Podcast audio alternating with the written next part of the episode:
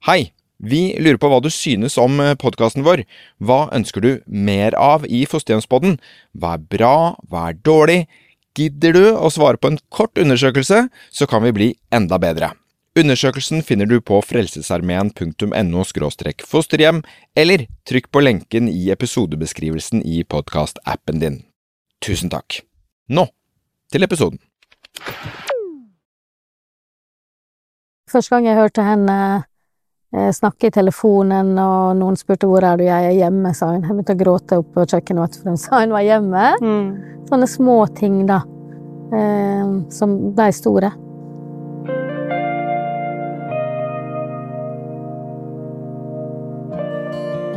Har det alltid vært sånn? Ble jeg født ensom? Lå det aldri i kortene for meg å ha en familie og slå leir?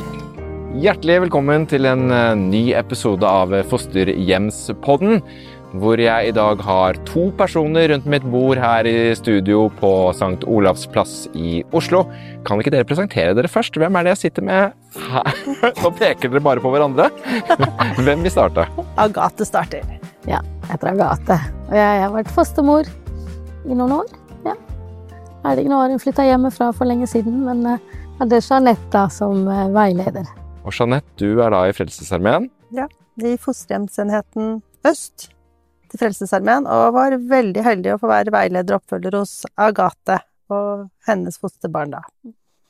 I fire år, tre-fire år. Fire år, ja.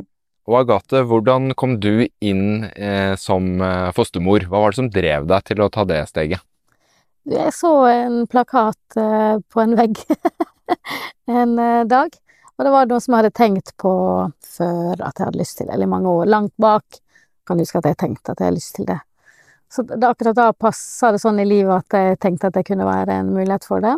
Eh, så da meldte jeg meg på et sånt der kurs. Eh, sånn Pride-kurs. Ja. Hos Frelsesarmeen, da. Mm. For det var deres plakater jeg så. Ja.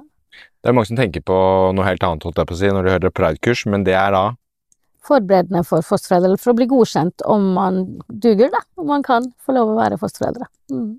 Ikke sant, Ja. ja. Hvorfor ville du bli det, da?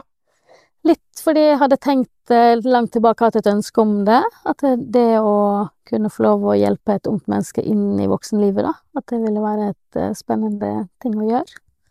Og så som sagt, for det akkurat da i livet så var det mulig å kunne i hvert fall prøve å få det til, da. Hvis jeg ville bli godkjent. Hva var det i livet som gjorde at du tenkte at nå Hadde jobba lenge i samme jobb. Det å bli frikjøpt var ikke fremmed. Eh, ting hadde skjedd som gjorde at eh, livssituasjonen forandra seg litt. Så det å flytte fra Oslo og kanskje kjøpe litt større fra plass til et fosterbarn var også en mulighet. Så det gjorde jeg jo også da. Ja. Alt lå liksom til rette for at nå var tida for det, så du skjønner. Og så eh, var du kanskje ikke helt atypisk i den forstanden, som jeg skjønte, så var du singel. Det var jeg, vet du. Og det, Jeanette, er vel ikke det vanligste hos Frelsesarmeen at man har single eh, fosterforeldre? Nei, det er ikke det vanligste. Men vi har veldig god erfaring med det, det må jeg jo si. Men barnevernstjenesten er jo av og til De ønsker to foreldre ofte, men det er blitt mer og mer åpning for at eh, alle typer foreldre ønskes inn i fosterhjemsarbeid i Norge. Og Gate fikk jo en ungdom som eh, krevde mye, ja. Men det gikk veldig fint. Ja, hvordan var det? Var det sj- sjokkarta, eller var det eh, Nei, Hvordan var det nå? Litt sjokkarta. det var jo Hun var jo tenåring, 15 år, sant, og kanskje egentlig ikke hadde lyst i noe familie mer. Men så var det en siste Hun skulle prøve en siste gang, sa hun. Ikke Mm. sant? Ja. Så det var jo eh, veldig spennende. Eh, det var jo situasjoner som var utfordrende.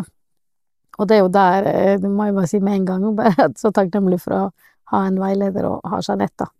Ellers så vet jeg ikke hva jeg skulle gjort i krevende situasjoner. Det å få den jenta til å kunne stole på meg, bare sant, til å være trygg, til å kunne ha det bra, da. Aleine så hadde jeg følt meg litt på veldig tynn is. Jeg ble litt uh, mindre tynn når jeg hadde god hjelp. Var det viktigere for deg, tror du, med veiledning som, som singel enn hvis du hadde vært i Ja, det vil jeg jo tro. Jeg tror det er en superviktig ting uansett, det, fordi det er en ny situasjon uansett. Men, men selvsagt, det var ingen andre der å snakke med. Det er jo noen år siden nå. Ja. Hva kom vi frem til fem år siden? Husker dere hvordan dere sparra? Husker du hva var det du fikk mest hjelp til? Hva trengte du mest? Hjelp til å forstå eh, jenta, jenta mi. Ja, rett og slett. Hjelp til å skjønne eh, skader og traumer, hvordan det virker.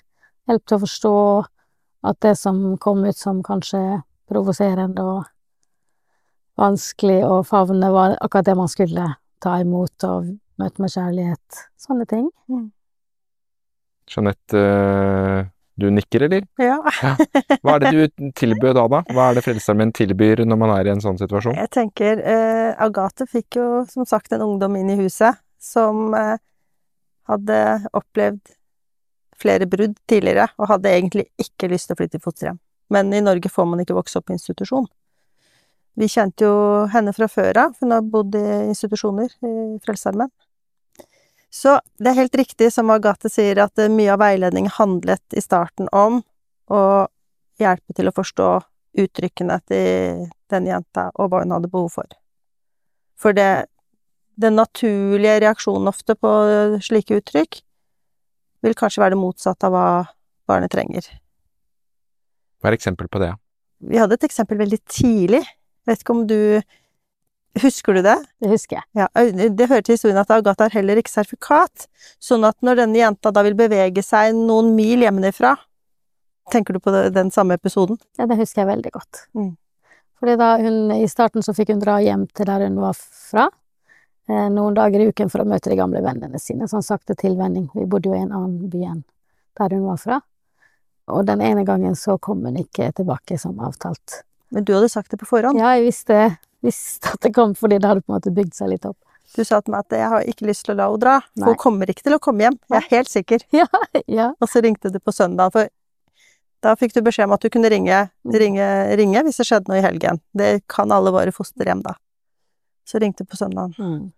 Og da, hadde hun, da ringte hun nemlig og sa at hun drakk ikke toget, hun sa hun var syk, at hun hadde kastet opp, skjønte kanskje at det har skjedd andre ting enn det, og kanskje at hun ikke ville også eh, hjem, da. Og så ble jeg så sinna fordi, fordi hun jugde til meg. Jeg liksom, kan du ikke bare si det ja, som det. Så da jeg snakket med Jeanette, så sa hun nå skal du få henne til å ta det neste toget, og hun kommer til å komme, og da skal du gå til stasjonen og møte henne der ta imot henne med åpne armer, si stakkars lille jenta mi som er syk, sant, skal vi hjem og få kakao? Ja. Åh! Det var ikke det jeg hadde lyst til. Så det var viktig at du skulle spille på hennes narrativ, på en måte? Hennes eh, Hvorfor var det viktig, da?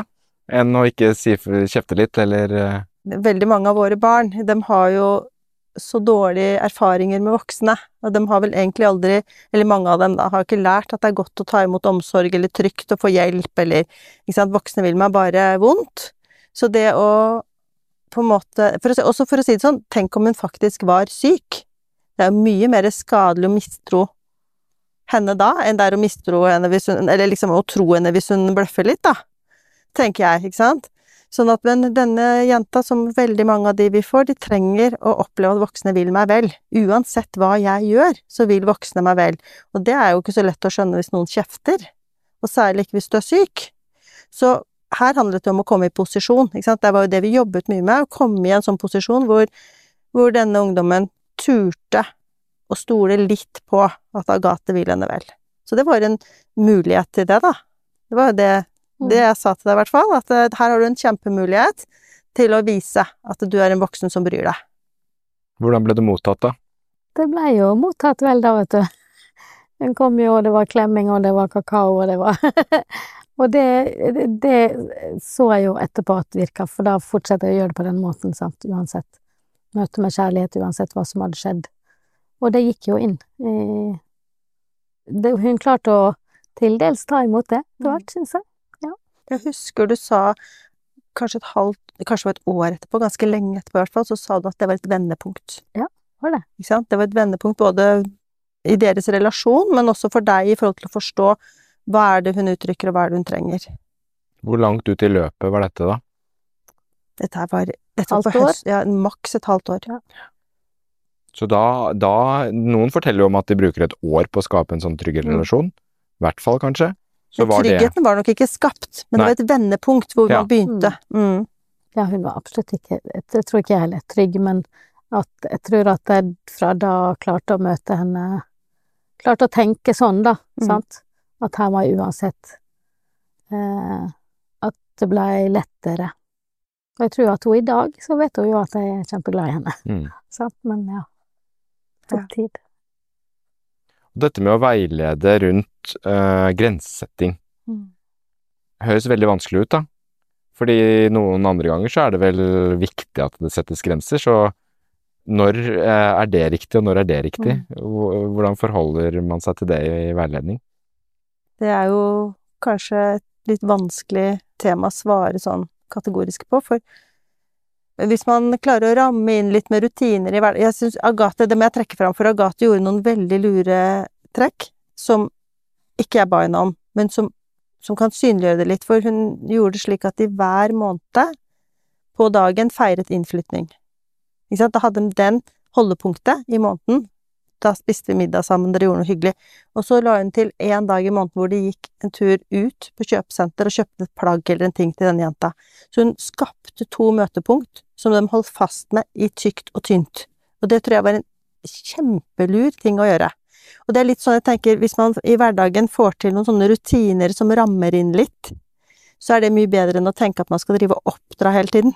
Ikke sant? Får man til noen eh, ting, så vil dette her med å klare å vise det, eller støtte emosjonene, da, er mye bedre uh, være til nytte enn det å drive og grensesette. Jeg er ikke en person som er veldig opptatt av å grensesette, men jeg tror på at man kan gjøre det på en annen måte enn den uh, litt sånn tradisjonelle. Og det er det vi ser, at når disse barna kan være ganske krevende. Og, og det er klart at det, det er sånn refleks hos oss å sette på litt grenser og komme med noen klare Du hadde jo et eksempel, husker jeg, da hadde du jobbet, eller vært fostermor så lenge, så du hadde ganske godt integrert tanken rundt det. Hvor hun hadde gjort et eller annet, og så sier en venninne av deg, Lene, i nettverket, at nå må du vel ta telefonen hennes. Som straff, ikke sant. Agathe hadde jo ikke tenkt tanken, men det er jo sånn som foreldre ofte kan gjøre. Jeg tror hun hadde uteblitt, jeg hadde vært på fest eller Drukket seg full. Ja, drukket seg full, ja, ikke sant?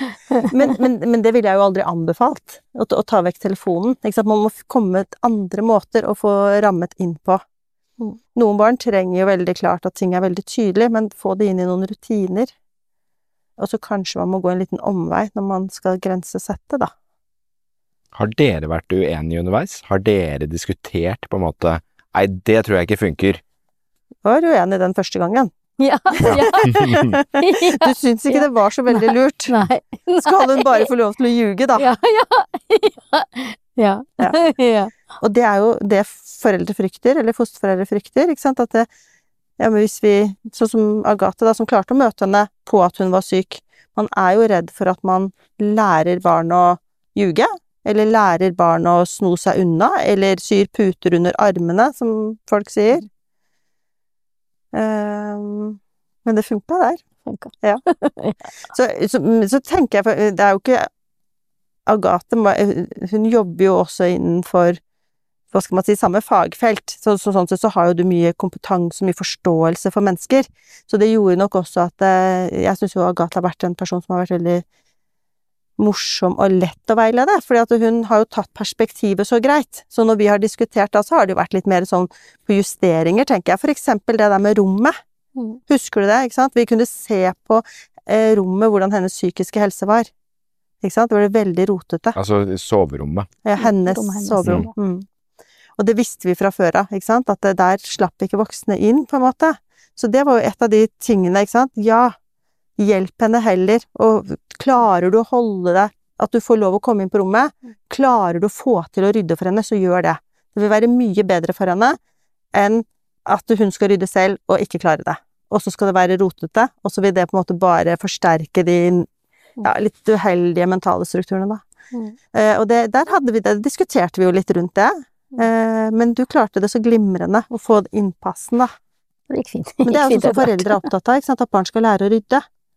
Eh, rommet sitt, holde orden. Det er, det er jo helt naturlig for oss, og veldig riktig i veldig mange tilfeller. Men for eksempel med denne jenta, så var ikke det egentlig prioritert. Det var mye, mye bedre at hun klarte å ta imot hjelp, og at hun lot døra til rommet være litt åpen, så Agathe kunne bidra. Mm. Det var faktisk mye viktigere i forhold til det å jobbe med, med det som er viktig her i livet, da. Det er faktisk å kunne be om hjelp.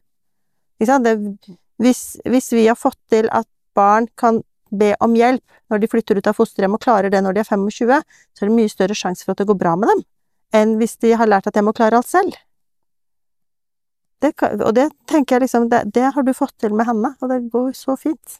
Hun er jo en del av familien. Ja, Ja. det er hun absolutt. Så nå rydder hun fortsatt ikke rommet sitt, for hun er vant til Det, det er jo nettopp det, ikke sant. Hvordan lærer barn å holde orden? Jo, de lærer først å trives med det, ikke sant. De Mm. lærer av- å ha det ryddet rundt seg. I motsetning til at eh, Agathe skulle gått og kjeftet og smelt og satt inn tiltak for å få rommet rydda. Det hadde bare blitt utrivelig, og hun hadde bare erfart at du vil meg ikke vel. Setter du ikke sammenheng. Sånn at eh, nei, vil man at barn skal ha det ryddig, så hjelp dem å rydde rommet. Ja. Det er mange mødre som kanskje rister på hodet når de hører dette nå, men det høres veldig riktig ut, da. Ja. Mm. Og så er det helt klart at de barna som har hatt en trygg og god oppvekst Jeg kan si til mine barn at nå går du og rydder rommet ditt. Ikke sant, jeg kan det. Men jeg kan også tilby meg å bli med og hjelpe fordi jeg syns det er hyggelig. Ikke sant. Men mine barn, de har lært at de kan ta imot hjelp. De trenger De tåler at man er litt tydeligere på det. Men disse barna, så kan man se på det som en kjempefin anledning til å jobbe med relasjonen, som er det viktigste. Hvordan fungerer egentlig rollen deres dere imellom? Altså, eh, du går på det som da het, jeg tror det er noen navneendring der nå, men det het Ja. Pride-kurs. Mm. Um, og så etabler... Så hvordan finner dere hverandre? Uh, når er det dere to blir et slags team? Det er fortrinnsvis i det øyeblikket det blir snakk om at det skal plasseres et barn eller ungdom i hjemmet. Men ofte så har vi truffet hverandre under kursingen. For ofte så har jeg en del av kurset, da. Mm. Og da er det på en måte hotline til deg, eller hvordan, hvordan Hvor ofte har dere møtepunkt? Hvordan foregår eh, eh, veiledningen sånn fra start? Det er litt sånn forskjellig ut ifra hvor, raskt den prosessen går med innflytting av barn, da. Eh, så, men i starten så kan det være ganske sånn hyppig til barnet er etablert, og da er det litt, som oftest ukentlig, da, kontakt. Eh, litt uforskjellig om det blir at vi møtes eh, ukentlig, eller om vi tar det på telefon, for det kommer litt an på barnet. Noen ganger så er jo barnet kanskje hjemme en stund, og at det vil være forstyrrende at det kommer inn noen. Her så var det jo ikke det, for jeg kjente jo jenta fra før. Så ja.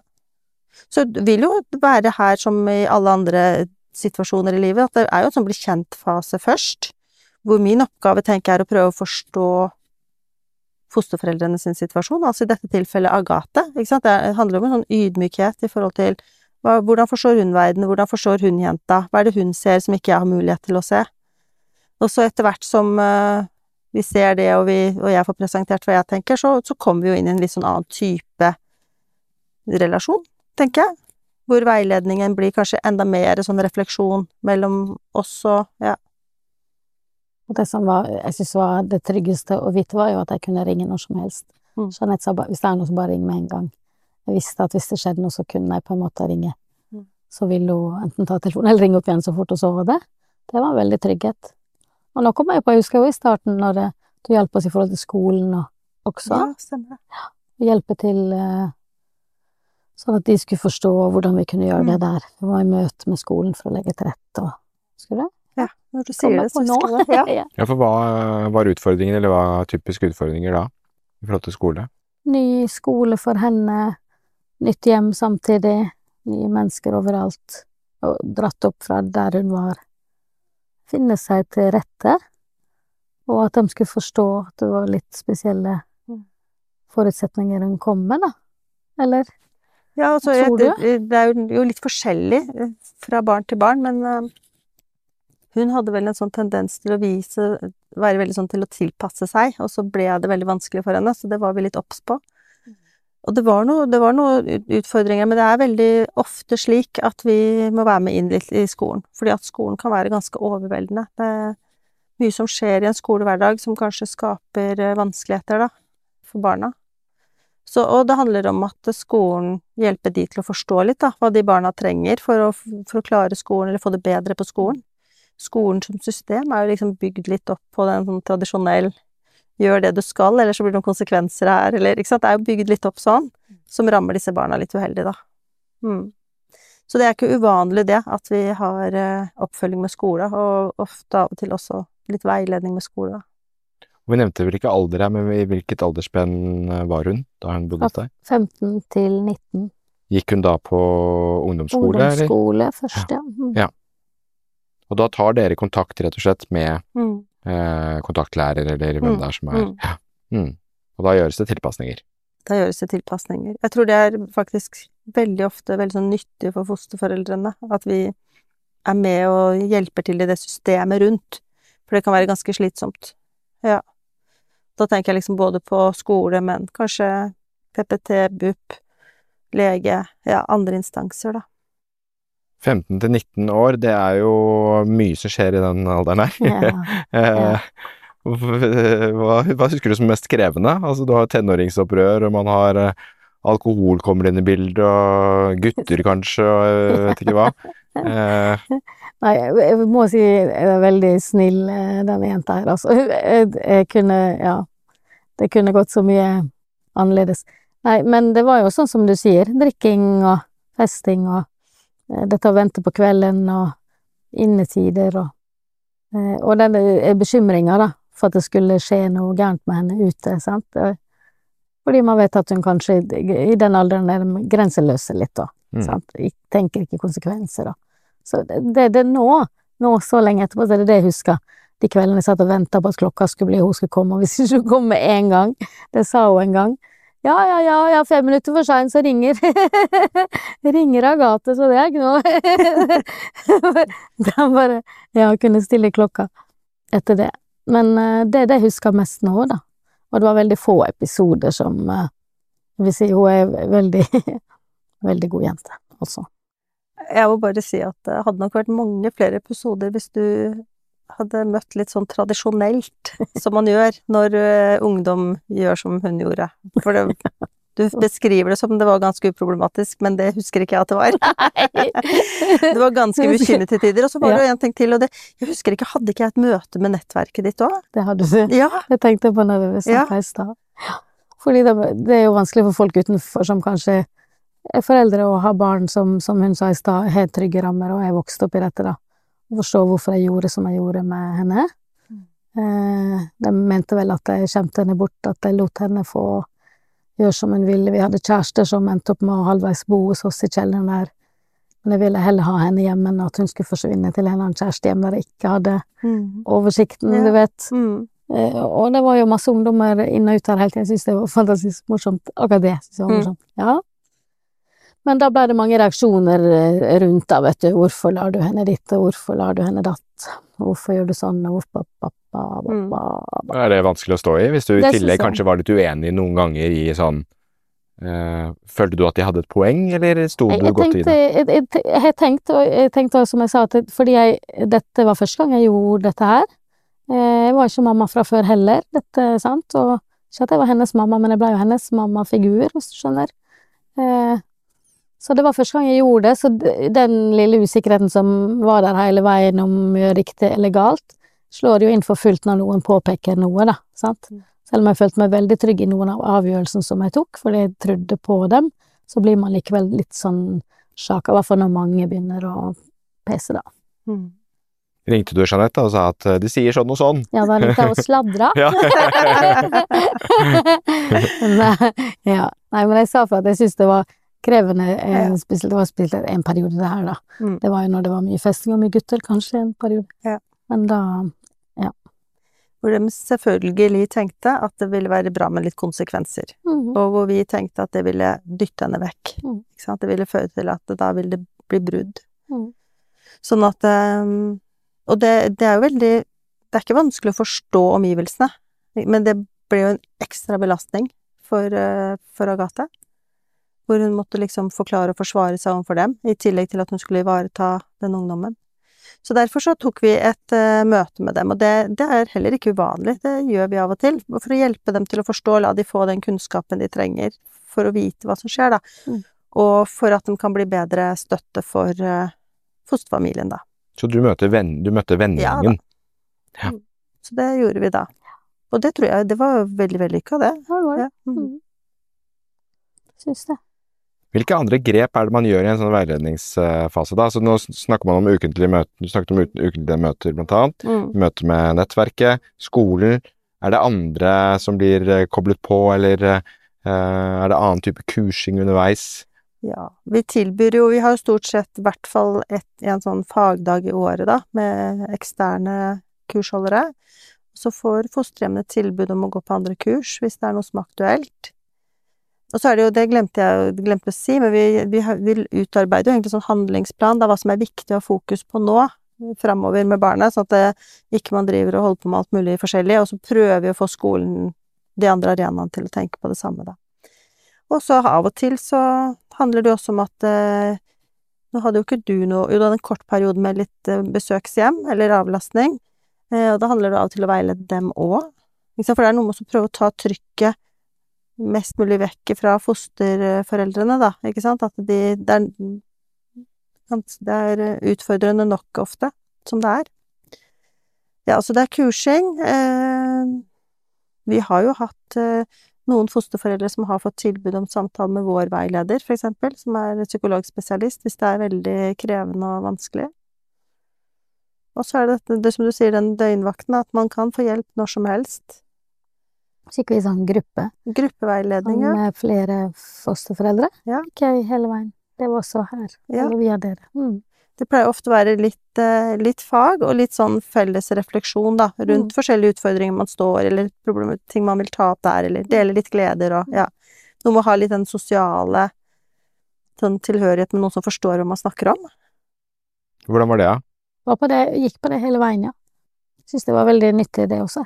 Jeg bare tok til malhjelp jeg kunne Mm. få, du vet. Ja. Bestemt på å klare det. Ja. Nei, jeg syns det var fint fordi at eh, de, vi kunne snakke og forstå hverandre litt, sant. Ja. Og de kunne si ting som fikk meg til å få nye tanker også. Så. Og det er jo det, det er så tett oppfølging i kurs, og jeg husker jeg var på kurs om sånn eh, Nå har jeg glemt det ordet i farta. Om traumesensitiv omsorg. Ja, ja. det var et vanskelig ord. det var på Ja. kurs, og forskjellige andre ting. Så ja, det var ganske mange ting. Da får du en pakke med muligheter, eller eh, hvordan er det? Velge fosterforelder selv Ja, men det har jeg lyst til å bli bedre på, eller det har jeg lyst til å Er det en katalog, eller hvordan eh? Det er vel ikke helt sånn det fungerer. Nei. Vi, vi velger jo de kursene som vi tenker eh, Eller de foreleserne som vi tenker inn da på fagdag. Og så er det jo noen kurs som vi tenker at alle bør ta, blant annet det du nevnte, traumebevisst. Og hvis vi ser at det er noen andre behov, så prøver vi å finne kurs som kan være aktuelle for det, eller søke opp den kunnskapen, da. For det er jo liksom litt ulikt hva de forskjellige fosterforeldrene trenger. Og så tenkte jeg på den døgnbemanningen. Eh, Benytta du den i praksis? Altså, ble det telefoner klokka fire på natta, eller? Det kan jeg ikke eh, eh, Ikke fire på natta, tror jeg, natta, men eh, jeg. ti søndagskveld, for eksempel. Ja. mm, mm. Mm. Men hun kunne ha ringt midt på natta òg. det, det som ofte var, var at da var vi forberedt, sånn som den søndagen. Akkurat i dette tilfellet så visste jo du at det, da kan det skje, så da er vi forberedt, ikke sant? Eh, Det var vel veldig sjeldent at vi ikke var forberedt på at noe kunne skje. Mm. Du var Ja. veldig god på å forstå situasjonene. Mens på andre barn så kan det være at ting bare skjer ganske fort, Mm. og da Og da var eksempelet bare for å Ja. det, Hva var det som kunne skje da? Nei, for eksempel la oss si at barn ikke kommer hjem til avtalt tid, da. Ja. Så blir man redd, ikke sant. Vet at den kanskje er i litt dårlig miljø. Det kan være en ting, men det kan jo også være barn som har det kjempevanskelig, som ikke fosterforeldrene skjønner helt hvordan de skal møte. Da også ringer man for å få litt hjelp til å sortere og vurdere litt hva er lurt å gjøre. Mm. Vi har jo hatt flere fosterforeldre i denne podkasten som har snakket om dette med at uh, fosterhjemsbarn ofte manipulerer, og er veldig gode på det. Jeg vet ikke om det var en problemsetting her, at eh, ble grensene tøyd på noen måte, eller eh, Og da er det jo interessant igjen dette med, ikke sant, ja, vi gir frihet, og hvor langt, og hvor, ikke sant, hva, hva eh, kan det føre til igjen, da? Jeg tror man kan velge litt hvilke begrep man bruker. Vi valgte å ikke tenke at hun manipulerte. Vi Mm. valgte å tenke at det her handlet om helt andre ting. Mm. Vi er enig i det. For det var kanskje det du tenkte sånn i starten, så var det litt lett å tenke det, når man, før man liksom fikk forståelsen og ble litt bedre kjent og skjønte uttrykkene hennes. Men eh, vi vi tenker nok ikke eh, så veldig mye på manipulering, da. Vi er vel mer opptatt av å forstå det annerledes. Ja. Men er ikke, hennes problem var jo litt eh, motsatt, vil jeg si, dette at hun kanskje ikke turte å si fra når hun var sinna, ikke turte å vise at hun var lei seg, ikke turte å Hun spilte aldri på noe sånn Det, det hadde hun aldri gjort. Samtidig så kunne noen tenkt at hun manipulerer når hun sier at hun er syk eller ikke ja, kan ja, komme ja, hjem og sånn, Ja, ja, ja. Skjønner. Ja. Når skjønte du etter hvert når hun var sint og når hun var lei seg da? Altså, når var det du følte at du kunne kjenne igjen noen signaler, eller Det var da jeg begynte å bli kjent med henne. Det var sånn type, typisk hvis hun kom opp om morgenen med hetta, hettegenseren og hetta over hodet, så sa jo det noe om hvor hun var. Hvis hun eh, trakk seg tilbake på tidspunkt hun ellers ikke brukte å trekke seg tilbake. Små ting, da, etter hvert som man ble kjent, bare. Sånn som husker det. Ja, jeg husker jo etter hvert så ble du veldig god, for at du kunne bare se en liten bevegelse i øyekroken, så skjønte du at nå begynner hun å bli stressa, nå skal jeg ikke konfrontere henne, nå skal jeg bare roe henne ned. blir bedre menneskekjenner av det her, da, eller? Sånn generelt, eller? Ja, Ja. man kan, man kan håpe. Ja, Ja. ja, ja. Når var det du følte at dere var Du snakket om dette vendepunktet etter ca. et halvt år på, på Men det var ikke på nødvendigvis tryggheten. Når var det du følte at nå er vi eh, Mangel av et bedre ord, en enhet, på en måte. Eh, nå fungerer vi her, begge to, sammen. Det, det tok vel en eh, stund eh, Et lenge siden, vet du, så nå husker jeg bare rosenrøde, bare for jeg er så fryktelig glad i henne. Men jeg tror at når jeg slutta å tenke at hun kom til å stikke av, da, sånn etter et års tid, kanskje Jeg kan huske sånne små ting som første gang jeg hørte henne snakke i telefonen, og noen spurte 'hvor er du', 'jeg er hjemme', sa hun. Jeg begynte å gråte oppe på kjøkkenet, for hun sa hun var hjemme. Sånne små ting, da, eh, som blei store. Sånn litt etter litt eh. Så jeg kan ikke gi noe eksakt tid. Men var, hvor lenge sa du hun var boende hos deg? Fra hun var 15, Ja. hun hadde akkurat fylt 15, hun hadde hatt bursdag dagen bare noen dager før. Og så tror jeg hun var nærmere 19, kanskje ikke fylt 19, men nærmere 19 da hun flytta. Og hun fulgte, hun var ikke noe forsinket skolegang eller noe sånt, hun fulgte normalt skoleløp. Jeg lurer på om hun hadde begynt et år Ja, det lurer jeg på, men det var tidligere, da. Ja, det var tidligere. Mm. Ja. Men Så du var med på da litt ungdomsskole, og så resten videregående, eller? ja, hun gikk et år på videregående, andre året droppa hun ut fra videregående. Ok, riktig. Ja. Ja, men det var Var ikke russ og sånn? Nei. Nei. ikke. Nei, og Gjorde nok uten det. det, det var spennende nok uten Nei, nei, det var Nei, hun var ikke Nei, var ikke det. Når du hadde begynt å når hun, eh, Det er jo også et uh, punkt her når du blir myndig da, som fosterbarn og kan begynne å gjøre egne valg. Hvordan håndterte dere den overgangen til at hun skal, i, i teorien holdt jeg på å si, kan vel flytte ut og, og gjøre som hun vil? Mm. Mm. Hvordan snakket dere om det? Nei, da fikk hun jo i hvert fall mer fri Hun eh, slapp å ha innetider eh, lenger. Da måtte hun bare si fra om hun visste når hun kom hjem. Eh, det var spennende. Eh, det var den ene tingen jeg husker, ja. Og så var det jo det, hun begynte jo da å se seg litt rundt og etter hybel og For hun hadde, det hadde hun på en måte Det sa hun fra hun kom inn, da, at her skulle det være til hun var 18, og så skulle hun flytte for seg sjøl. Det var liksom det. Det var liksom løpet hun hadde sett for seg. Så det var jo det hun sikta seg mot. Så, Så hun jo- skulle være ferdig som 18-åring, det var på en måte hennes ja, det var hennes eh, Mål, ønske. eller- Ja, hun, da ville hun Mm. flytte ut for seg sjøl. Så da støtta henne på det hun ønska selv, da. Ja.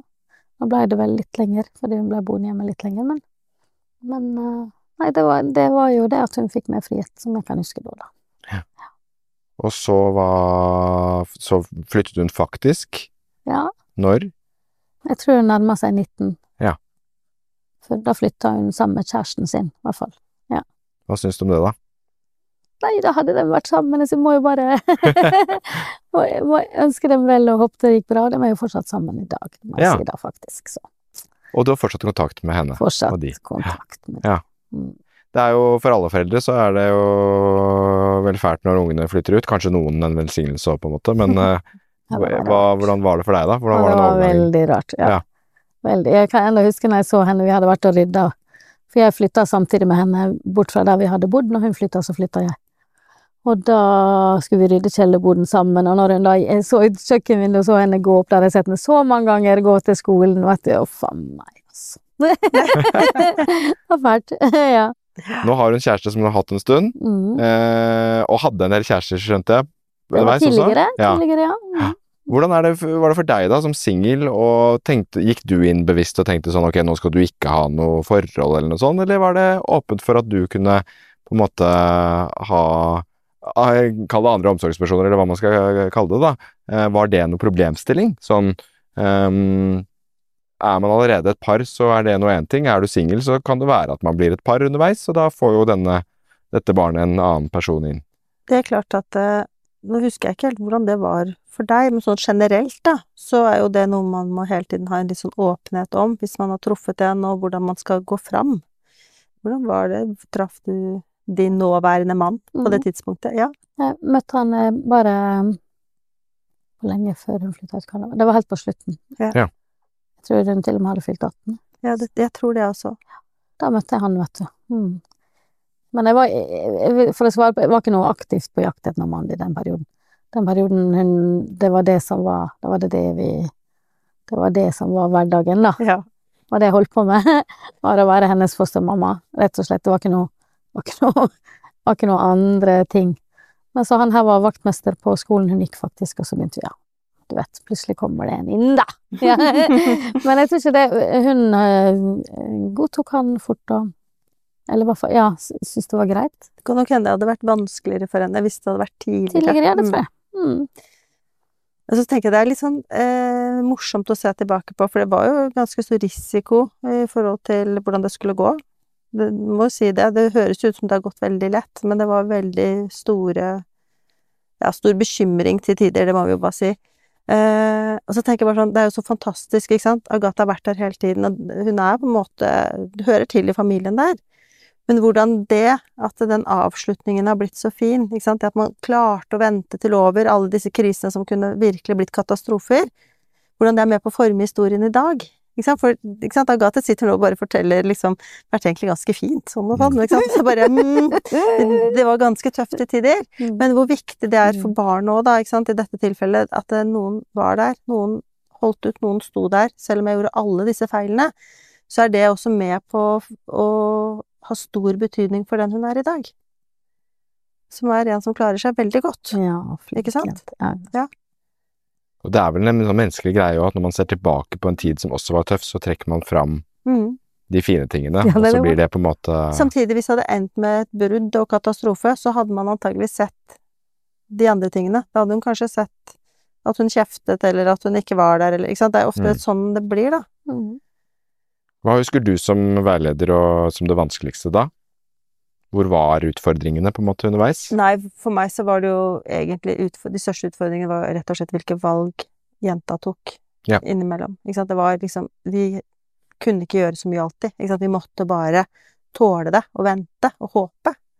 I forhold til det så var jo Agathe sånn sett en ekstremt takknemlig fostermor å veilede, fordi at hun var med på de tankene. Ikke sant. Hun forsto det og var enig i det, og hun hadde så gode forslag selv, ikke sant, på hvordan man skulle møte det.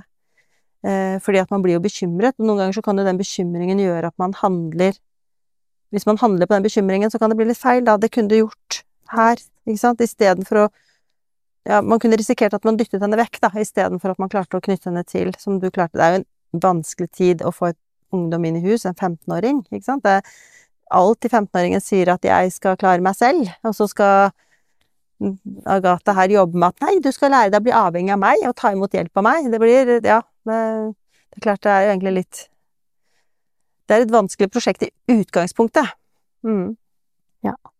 Så nei, så det, så det mest utfordrende var faktisk det å klare å sitte stille i båten sammen med Agathe, og bare være med på å finne de Vi, vi, vi opplevde jo også en gang at vi faktisk måtte eh, forsvare valgene våre overfor systemet for øvrig. Husker du det? Ja.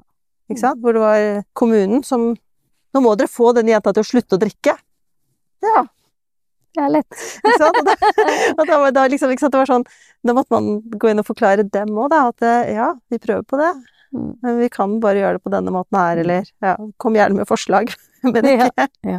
Og det er man enig i da? Om, Ja, vet du hva, det som var fint der, Det, det var jo at uh, vedkommende ringte meg to dager etterpå og sa at 'skjønner nå hva du mener, for nå har jeg vært utsatt for det motsatte'.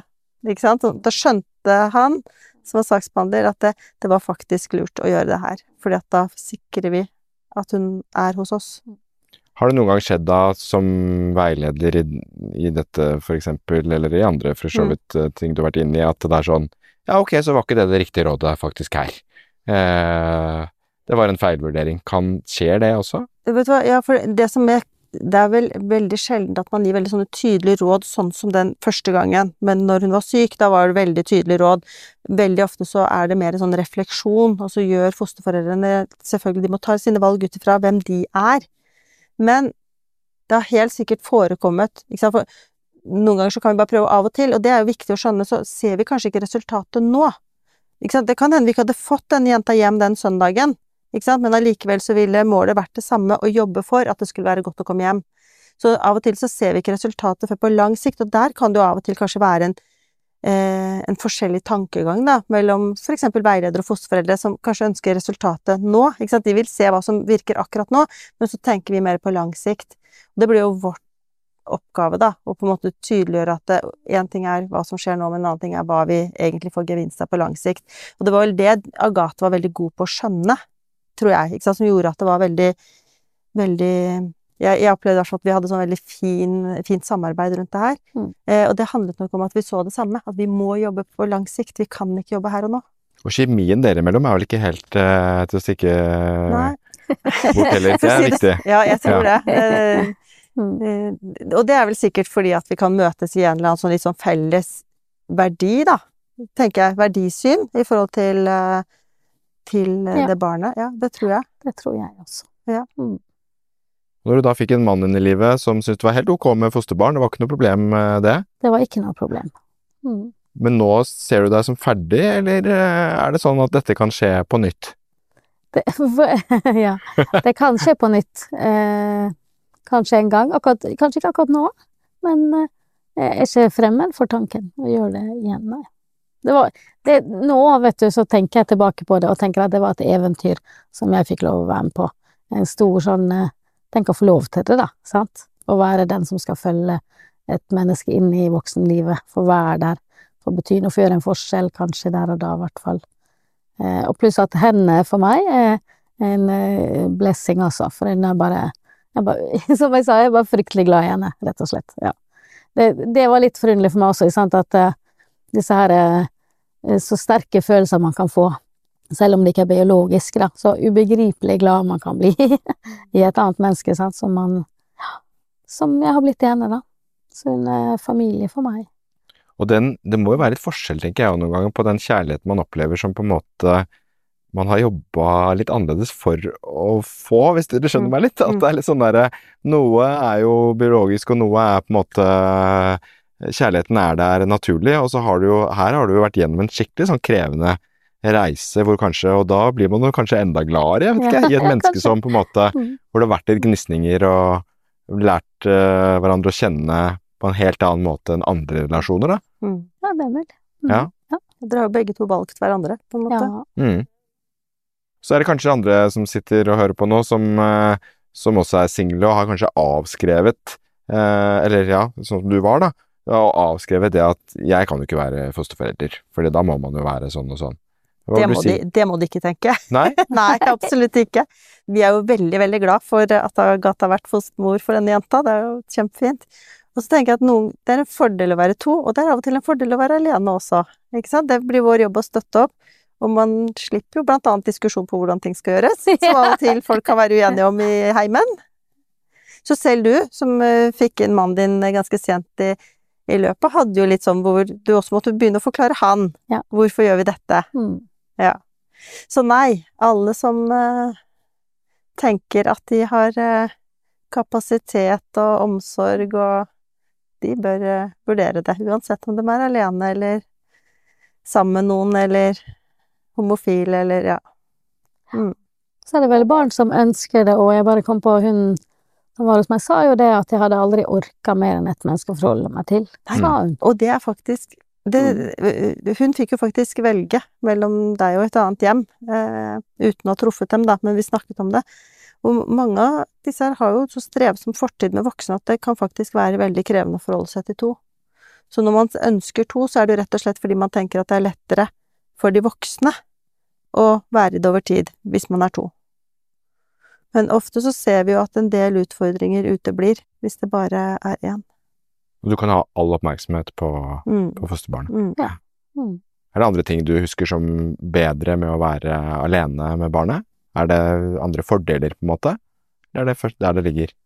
Nei, jeg, tenker at det, eh, det er en av de viktigste tingene, det at der kan man få hjelp til å Veiledning, sant, eh, fra de som kan det, og så er det det, det var vi, vi hadde vår lille verden der, da, vet du. Det var meg og henne og en liten hund, og vi var en familie. Ja. Sant? Ja, det var jo sånn det var. Så jeg tror også, som, som du sier, at hvis da man er to, så hadde det blitt Kanskje hadde blitt uenige, og så hadde det også blitt en problem. Det, det eh, slapp vi jo da. Og så flere hensyn å ta. Nå kunne du liksom legge helt til rette for henne. Ja. Dere kunne lage deres uh, hyggekvelder Ja. uten hensyn til andre. Det var Du trengte liksom bare å ta hensyn til henne og deg. Jeg kunne ha full Ja. oppmerksomhet Mm. eh, der. Det var det, det Mm. De første åra der, det var det, det var det jeg holdt på med. Ja. Hvordan er forholdet ditt til uh, fosterbarnet nå? Er, kommer hun hjem og vasker klær og sånn, eller er det liksom eh, hvordan, Hva slags kontakt har dere? hun, hun kommer hjem på, hun kaller det for bortskjemtdager. Av og til så kommer hun og sover over litt, da. Får hun servert mat, og si bare da koser vi oss, og vi går turer, og ja. Det er sånne bortskjemtdager, sier hun. Men eh, vaske klærne sine klarer hun selv. Men ja, nei, vi har en veldig god relasjon, eh, vil jeg si. Eh, Feire jul hos dere Ja, Ann, vi har sånn eh, annenhver jul, Ja, eller ja. et system på det. Ja, Ja. vi har et system på det. Og er med på ferier, og vi har våre dager. Jeg skal møte henne nå eh, den senere denne uka. Vi skal liksom spise ute sånn før vet du. Ja. Så nei, hun er absolutt vi, vi ser på hverandre som familie. Hun sier det at vi er jo, vi er jo familie, sier hun. Ja. Det er fint å høre. Og nå er hun 24 år, 24 år. i jobb og jobb, fungerer som Hun jobber som assisterende butikksjef i en butikk. Hun klarer seg bra. Hun er, jeg er så stolt av henne at du vet. ja. Føler du litt at det er litt din skyld? Og... Nei, jeg tenker, nei. nei, vet du, nei, jeg tenker at jeg har vært så heldig som har fått lov å gå ved siden av henne og se at hun har fått til livet sitt på tross av hva hun kom fra. Det gjør at jeg blir så stolt av henne og det hun greier. Og det å få lov å være på sida av det der, det var stort. Det er virkelig. Det er det jeg tenker. Tusen takk for at dere stilte begge to. Agathe, Jeanette. Vise meg Tusen takk for at du hørte på Fosterhjemspodden. Vil du vite mer om det å være fosterforelder, så har vi samlet eh, alle de typiske spørsmålene som folk lurer på, på vår nettside, og svart så godt eh, vi kan. Den lenken den finner du i podkastappen din. Og der kan du også abonnere på eh, Fosterhjemspodden, sånn at eh, de nye episodene kommer automatisk inn på telefonen din.